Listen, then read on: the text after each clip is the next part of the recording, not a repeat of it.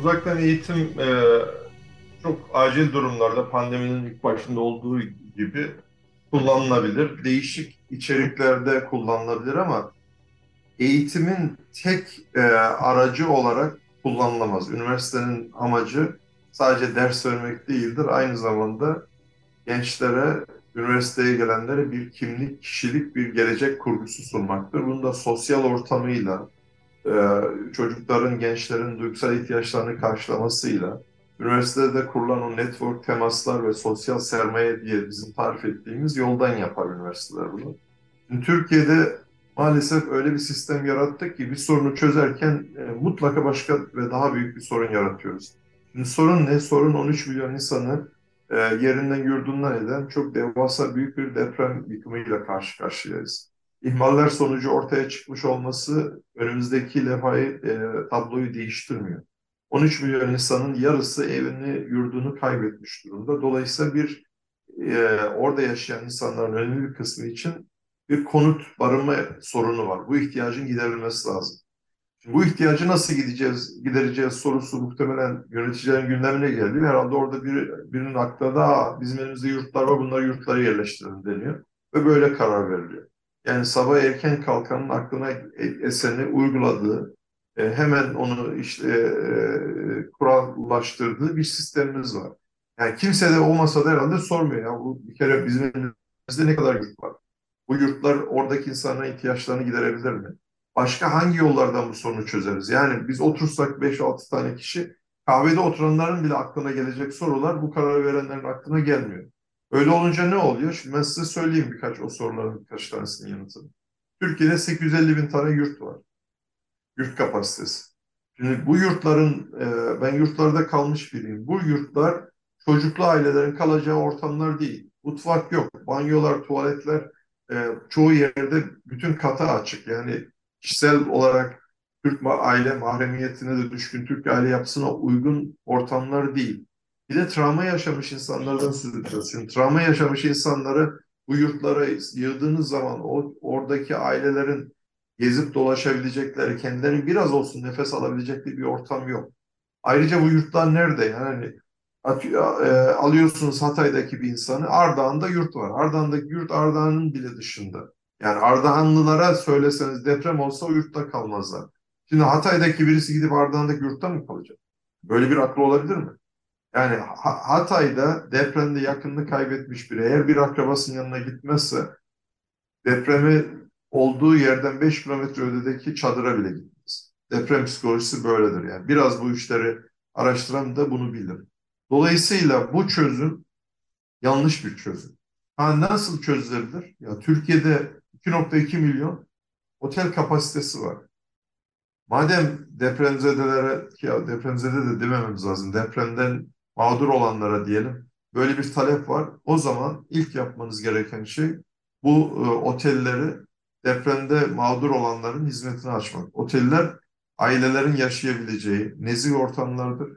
E, her otelin çok güzel restoranı, mutfağı e, ve başka olanakları da vardır. Bir de otellerin bulunduğu yer bu ailelerin en azından bir süre olsun gidebileceği yerler olabilir.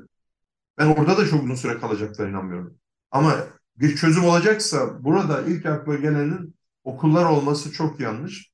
Bir de tabii bu şimdiye kadar sözünü ettiğim meselenin depremden zarar görenleri ilgilendiren boyutu. Peki bunu çözdüğünüz zaman öbür tarafta neyi yaratmış oluyorsunuz yurtları açarak? Okulları kapatıyorsunuz. E, okullardaki e, 4 küsür milyon öğrenci var. Yani bu öğrencilerin öğrenme hakkının için elinden alıyorsunuz. O öğrencilerin yüzde eğitim hakkı var, kaliteli içeriğe ulaşma hakkı var. Bunu niye ellerinden alıyorsunuz? Yani bir sorunu çözerken niye başka bir sorun yaratıyorsunuz? Bir de Türkiye'nin böyle bir lüksü yok. Türkiye Avrupa'da olsun, dünyada olsun nüfus itibariyle en çok gence ve çocuğa sahip ülkelerden bir tanesi. Bizim bu gençleri, çocukları yetiştirmemiz lazım ki Türkiye'nin sorunlarını çözsünler. Türkiye'nin birikmiş sorunları var. Bu birikmiş sorunları biz yetişkinler yarattık. Ekonomik kriz var, politik kriz var, işte mülteciler sorunu var, deprem sorunu var. Ee, bütün bu sorunları kim çözecek? Gençlerimiz çözecek. Nasıl çözecekler? İyi eğitim alacaklar, iyi beceriler alacaklar ki bu sorunları çözsünler. E şimdi o, o gençlerin de elinden bunu almış oluyorsunuz. Bu sene mezun olacak bir genç eğer bu karar uygulanırsa toplam bir buçuk yıl yüz yüze eğitim almış olarak diplomasını alacak. Böyle bir şey olabilir mi? Yani bir buçuk yıl yüz yüze eğitim olarak alarak diplomasını almış bir mühendisin kuracağı binada yaşamak ister misiniz? Böyle eğitim almış bir hemşirenin hastası olmak ister misiniz? Yani sadece uygulamalı alanlar değil, her alan böyle bir öğretmenin talebesi olmak ister misiniz? Ya da çocuğunuzu böyle bir öğretmene göndermek ister misiniz? Bu çok yanlış bir karar. Bir an önce bu karardan dönülmesi lazım. E, depremden mağdur olanlar için yaratıcı çözümler bulunabilir. Diğer gençlerin de öğretim hakkı ellerinden alınmamış. Şimdi şu anda Türkiye'de bütün toplum travma yaşıyor. Büyük bir deprem yaşadık. Çünkü bu travma halka halka. En büyük travmayı kim yaşıyor? Yakınını kaybedenler. Yakınını kaybedenlerin yaklaşık üçte biri posttraumatik stres bozukluğu yaşıyor. Uyuyamıyorlar, uyuyamayacaklar aylarca belki. E, uyku düzenleri alt üst olacak, kabuslar görecekler. Yaşa göre herkes bir önceki döneme dönecek. Yani ortaokul çağındaki e, çocukların altını ıslatması, ilkokul çağındaki çocukların e, işte e, bir önceki döneme göre işte ellerini emmesi vesaire bütün bunlar olacak. Bir ses duyunca panik atak olacak vesaire. Üç insandan birini söz ediyoruz. Depremde yakınlarını kaybedenler. Depremde ailelerini, evlerini kaybedenlerin dörtte birinde bu görülüyor. Bunlar en riskli gruplar. Fakat sadece onlar değil. Depremdeki 13 milyon, o bölgedeki 13 milyon bil fiil yine posttraumatik stres bozukluğu yaşayacak. Ama onun dışında 85 milyon da orada olup biten her şeyi görüyor. Deprem sonrası kayıtsızlığını, deprem sonrası devletin ve yöneticilerin aldığı tutumları da görüyor. Ve bu da bir travma sebebi oldu.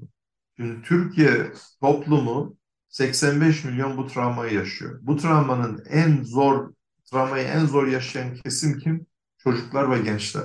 Çünkü biz yetişkinler için başka örnekler hayatımızda maalesef olduğu için işte 99 depremini yaşadık, darbe girişimini yaşadık, kimisi 12 Eylül yaşadı. Ama çocuk ve gençler için bu ilk yaşadıkları büyük travma.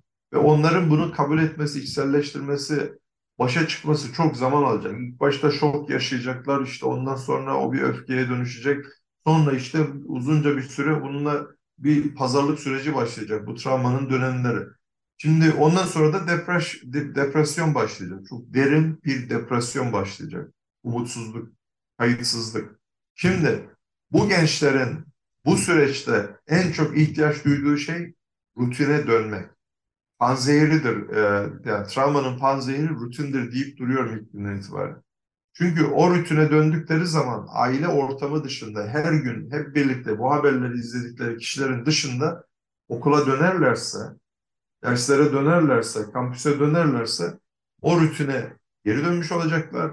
Onu orada sosyal temas içerisinde olacaklar, arkadaşlarla birlikte olacaklar ve belki de acıyı yani bu deprem dolayısıyla yaşanan bu derin acıyı, travmayı e, bir iyilik hareketine dönüştürmenin yolunu bulacaklar. Arkadaşlarıyla bir araya gelecekler. Depremin bir boyutuyla depremin e, yarattığı tahribatı gidermek için adım atacaklar.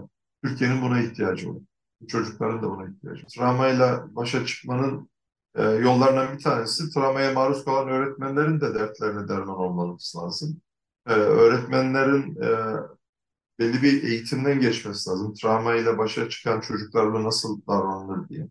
E, dersleri ikinci plana bırakmak lazım. Sosyal duygusal gelişimi ön plana çıkartmak lazım. Yani şu an öğretmenin görevi öğretmek olarak içerik aktarmak değil, çocuklara bir güvenli ortam, nefes alabilecekleri bir güvenli ortam sunmak. Bu bazen dersi işlememek olabilir, bazen derste işte çeşitli oyunlar geliştirmek olabilir. Yani bizim okul kampüslerini e, bir anlamda oyun alanına, dertleşme alanına çevirmemiz gerekiyor. E, bu dönemde acil olan bu. Eğer bu duygusal altyapıyı e, kuramazsak onun üzerine zaten öğretmeyi yapamazsınız. Yani siz gidip direkt matematiği anlatsanız o çocukların zaten onu e, içselleştirecek, işleyecek e, mecalleri kalmamıştır. E, Türkiye mülteciler için yaratıcı kısa dönemde büyük çözümler geliştirdi. Yani okulların binaları sağlıklı değilse geçici okullar olabilir, çadır okullar olabilir. Ee, Milli Eğitim Bakanlığı'nın da bu okulları STK'ları açması lazım, gönüllü kurumları, kurumları açması lazım ki gönüllü kurumlar ellerindeki bütün e, e, özellikle insan malzemesini sanatçılara burada çok iş düşüyor örneğin. Mesela şunu çok iyi biliyoruz. Resim yapmak. E, travmanın e, travmayla başa çıkmak için çok kıymetli. İşte e, hikayeler yazmak, e, işte hamurla oynamak, stres toplarıyla oynamak vesaire bildiğimiz pek çok şey var. Ama bütün bunları çocuklara ulaştırmak için öğretmenlerin yetersiz kaldığı yerde sanatçılara, uzmanlara, psikologlara, sosyal hizmet uzmanlarına ihtiyaç var.